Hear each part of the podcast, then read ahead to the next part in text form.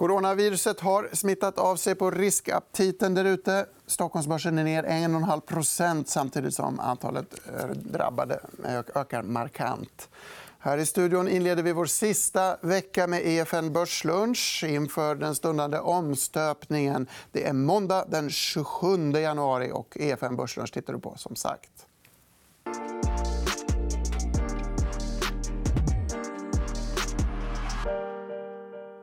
Man får säga att det är dystert på marknaden, men gladare här i studion. Mm. Och det är tack vare Lena Fahlén och Mattias Sundling. Kul att ha er här mm, tillsammans mm, igen.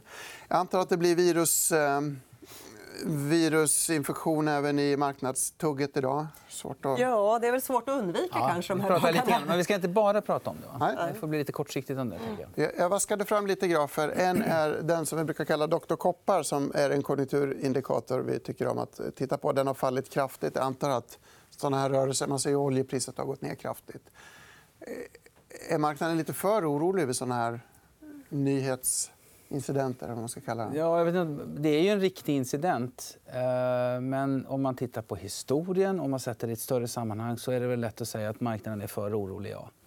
Men det är väl ganska naturligt att man får en period där riskpremien går upp av osäkerhet. Eh, jag kan väl då tänka det blir väldigt krast, men om ett tag så blir det ett bra köpläge. Mm. Om man får vara lite krass. Så. Håller du med om det? Ja, det håller jag med om. Oftast historien visar ju att det här är kanske inget som gör jättedjupa avtryck. Men det är klart att så får vi ett kraftigt minskat resande nu och en stor oro och man inte får grepp om det här. Det är klart att det kommer ge realekonomiska avtryck. Men det är så svårt att bedöma hur mycket är det här. Jag ska bråka lite med er. Nästa bild visar precis vad Mattias beskriver. Här ser vi guldpriset typisk risk-off. I, i sars-epidemin steg det kraftigt. Då antar man att börsen går ner samtidigt. förstås. Och sen blir allting frid och fröjd igen. Skillnaden nu är att Kinas ekonomi är mycket, mycket större och att de här kineserna reser mycket mer och har mycket mer. Ja. Dels är spridningsrisken större, dels är den ekonomiska området som påverkas mycket värre. Ja, de väger ungefär dubbelt så mycket av världsekonomin. Och så. Å andra sidan så har myndigheterna agerat mycket snabbare. Och mer transparent. Mer transparent. För jag läste på nu. De, Sars eh, började i november 2002, tror jag. Och med, eller, de medgav att det, att det, var, att det fanns eh, i februari-mars 2003. Så det var flera månader som de mörkade det. Mm. Så det är bra. stor skillnad nu. Ja, det är väldigt stor skillnad. Så det, det, är en, ja, det är både, både för och emot. Alltså.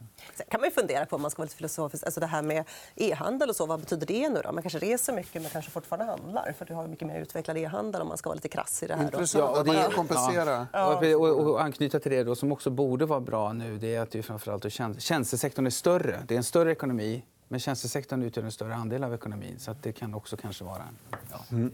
Hoppas på dämpning. Ja. Men, eh, ja. Ja, men, eh, fortsätt ditt resonemang. Nej, nej, nej, nej, kör du. Då går vi vidare. Jag har en sista ja. virusrelaterad spaning. Och den kom från din kollega Claes Molén i morse när vi tittade på makroveckan. Här är lite svårt att begripa den här grafen. Men tesen var så här. Börsen har ju varit väldigt, väldigt stark. Man har varit lite orolig redan innan viruset. så att Många gäster här pratade om att ja, men nu har det gått upp så mycket. Då blir man lite svettig. Är det här liksom en perfekt storm för den här typen av dåliga nyheter? Ja, alltså det den här bilden visar är att börsen har gått upp väldigt mycket mer än vad kanske underliggande makro mm. eh, säger att den borde göra om gamla samband ska gälla. Och det gör att man kanske är lite extra sårbar. Nu har vi då den här eh, coronaviruset vi är oroliga för. Det hade kanske lika gärna kunnat vara några rejäla vinstvarningar eller någonting annat. Det är mera... Vi kan inte vara riktigt trygga med den underliggande makroutvecklingen mm. ännu. Och nu vet jag inte, var det där S&P eller var det... Det var nog världsindex. Var det världsindex? Okay, ja. Nej, men det är inget tvekan. Börsen har gått upp mycket. Det är inte super eh, så säga, positionerat så, men det är, nog, det är säkert lite känsligt. För, för och, och, och, sen kan man också lägga till där att det här året har ju börjat med ett antal sådana där unika events. Eh, Iran var en. Mm. Det här är en. Boeing är en annan. Att Boeing har släckt, stängt ner en massa produktion då, som kommer att göra... Det kommer att göra makrodatan svårtolkad. Tror jag. Det blir svårt att säga någonting om kinesisk PMI för januari när man, när man vet att det här har hänt. Det kommer att bli svårt att tolka industriproduktion i USA när man vet att Boeing har stängt ner. Ehm, så det kommer att bli lite känsligt och lite svårare. Ja. Det kan man också lägga till på det här med corona. Man har ju förlängt nyårsledigheten nu i Kina. Ja, exakt. och det kommer också påverka ja, ekonomin. Ja. Eh, Men vad händer när de öppnar? Det måste ju vara en skräll. Jag menar, nu tickar det ju ner här. Det kommer att vara några dagar av oro som ska tas igen när kinesiska marknader slår upp portarna igen? Jag tänker att det beror rätt mycket på hur det här viruset utvecklar sig nu. Eh, så jag tror att det är jättesvårbedömt. Jag har jobbat med börsen i drygt två år. Vi säger alltid att det är ovanligt svårbedömt just nu. Men kanske fog för... Ja, men det är ju så. När man är mitt inne i en händelse så tycker man att precis den händelsen är unik och svårbedömd. Mm. Men återigen, går man tillbaka och tittar historiskt så det har hållit på några månader. De realekonomiska effekterna har i regel varit ganska begränsade. Och sen tror jag också man har en tendens att glömma bort att det händer någonting. Eh, produktion och efterfrågan stannar. Och sen visar det sig ju att sen är man ganska snabb på att ta, ta igen det. Eh, när man tittar på mm. datan sen så är det nästan svårt. Om, om det händer någonting en månad så kompenseras det av nästa månad. Så att över ett kvartal och så, där, så blir det förvånansvärt få effekter. Mm. Hörrni, vi ska vända blad nu i programmet. Ett kort mellanspel är Storytel. Om vi pratar om febriga uppgångar på börsen i allmänhet så har uppgången i Storytel varit extra dramatisk. Upp uh, ungefär 50% tror jag, på en månad. Eh, bokströmningsbolaget sjunker dock kraftigt idag. Nästan 9 ner sist jag kollade efter en varning i Dagens Industri som bland annat diskuterar risker i expansionen och eh, den här värdeökningen. Med det sagt så lämnar vi Storytel och enskilda aktier och ska försöka blicka lite makroekonomiskt ännu större perspektiv. Jag tänkte vi ska börja med en tysk IFO-siffra. Tyskland slutar ju aldrig bjuda på negativa överraskningar. En kom idag i form av den här indikatorn. Eh, jag tycker nog att du är lite hård mot Tyskland. För jag tycker att Tyskland har haft en del bra siffror ändå. Och jag tänker på de PMI-siffrorna som kom i fredags. Ja. var ju överraskande bra, både för tjänster och industrikonjunktur. Så jag skulle vilja påstå att det är väldigt svaga nivåer på, på konjunkturläget i delar av Tyskland. Men riktningen är uppåt.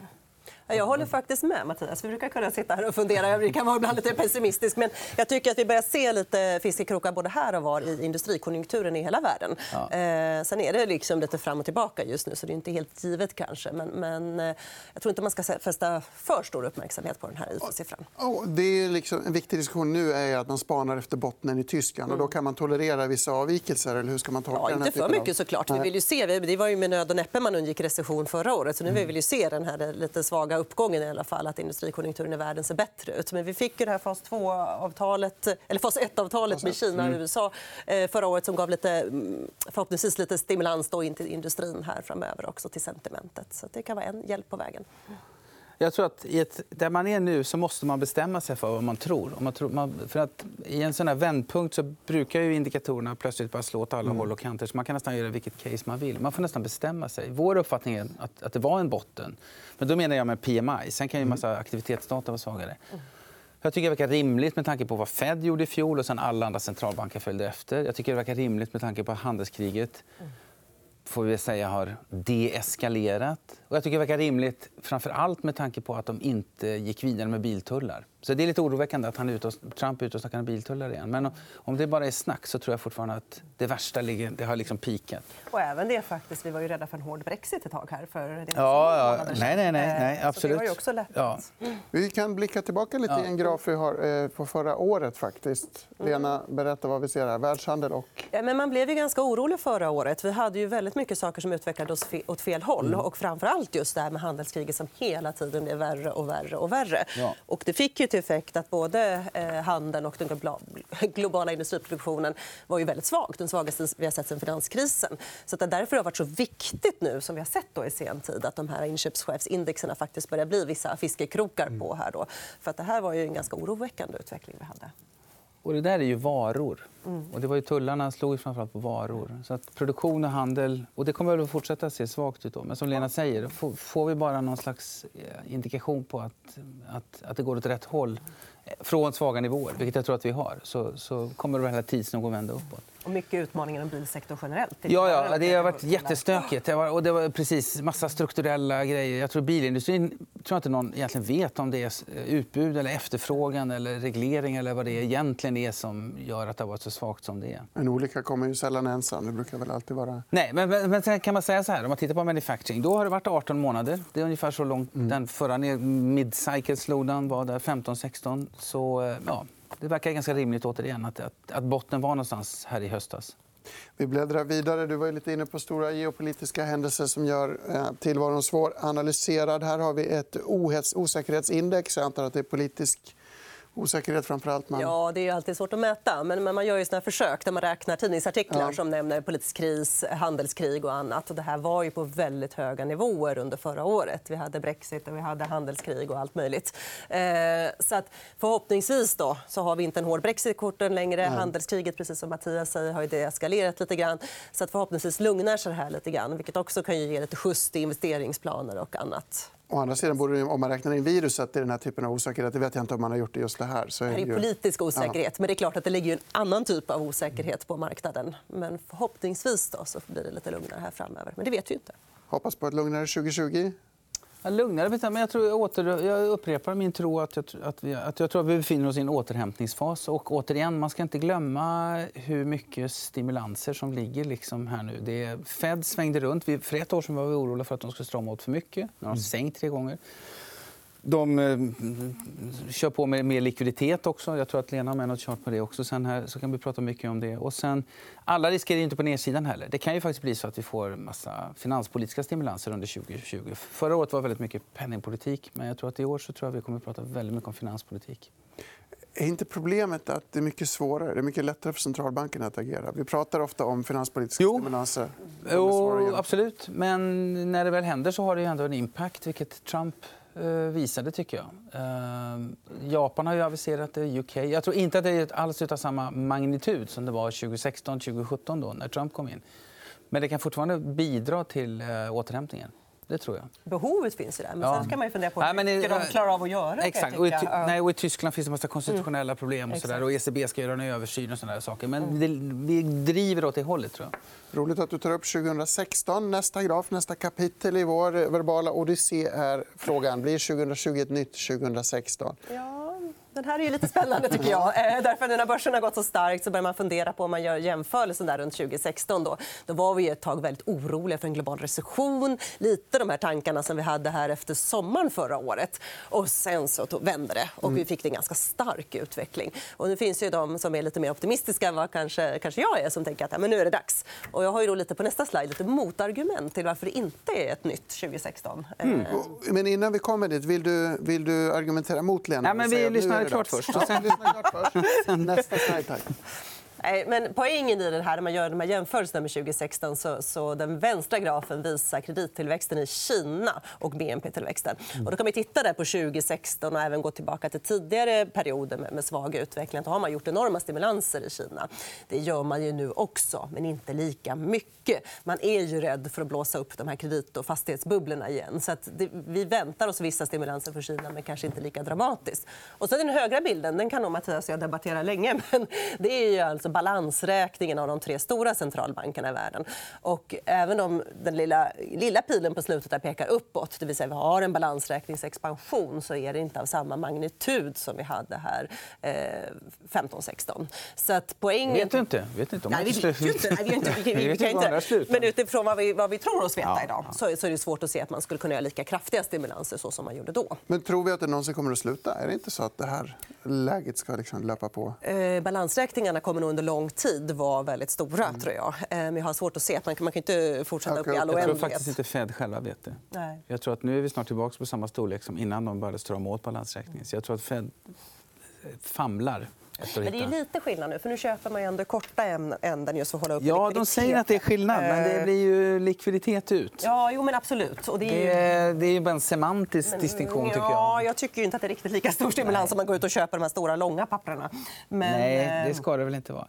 Men jag, jag, jag, jag, jag, håller med om en viss skepsis. Du frågade en repris på 16 Eh, förra året gick börsen upp 25-30% utan någon vinsttillväxt. Egentligen. Så det var bara multipel expansion. Eh, och vi har pratat, tittat ganska mycket på det. och Det tror jag inte det kommer att bli i år.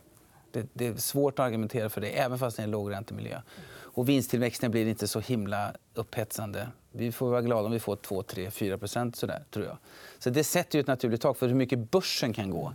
Eh, så det håller jag med Lena om. Utan jag tror, men, men där är de flesta. Det är faktiskt en solid konsensusuppfattning. Så jag tror egentligen att det, det, det, är mer spännande än om börsen ska gå upp 3 eller 7 Det är vad som händer inom tillgångslaget aktier. Vilka aktier kommer att gå eh, bra? Och jag håller helt med att vissa cykliska aktier som verkstad de har ju mer än väl tagit ut eh, hela metkroken och mer därtill. Mm. Men det som också kännetecknar där vi är just nu är att det är jättestora skillnader inom sektorerna. Det finns väldigt lågt värderade verkstadsaktier, det finns väldigt lågt värderade råvaruaktier. Eh, och sen har vi bank då, som är någon slags, lite cykliskt också, som är jättebilligt. Så det finns mycket potential. Men det blir liksom mera omjusteringar inom tillgångslaget aktier än att hela börsen ska liksom gå 20% till. För det tror jag inte att... Det är svårt att se det framför sig. Det är svårt att resonera sig fram till en sån börsutveckling. Eh, och sen ska jag bara säga, förlåt mig, men du pratar om 16. Jag skulle nog vilja påstå att 16 var lite stökigt. Det var Brexit och såna där saker. Men en anledning till att det rallade var ju ändå Trump. Att vi gradvis började diskontera Trump och sen blev Trump vald.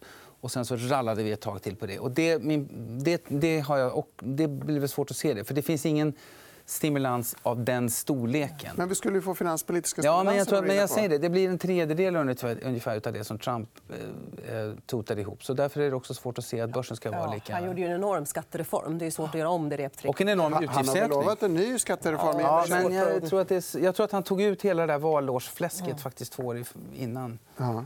Annars ska ju valår vara bra börsår. Men, men jag tror att han har bränt av det där lite grann. Faktiskt. Spännande tider i alla fall. Mm.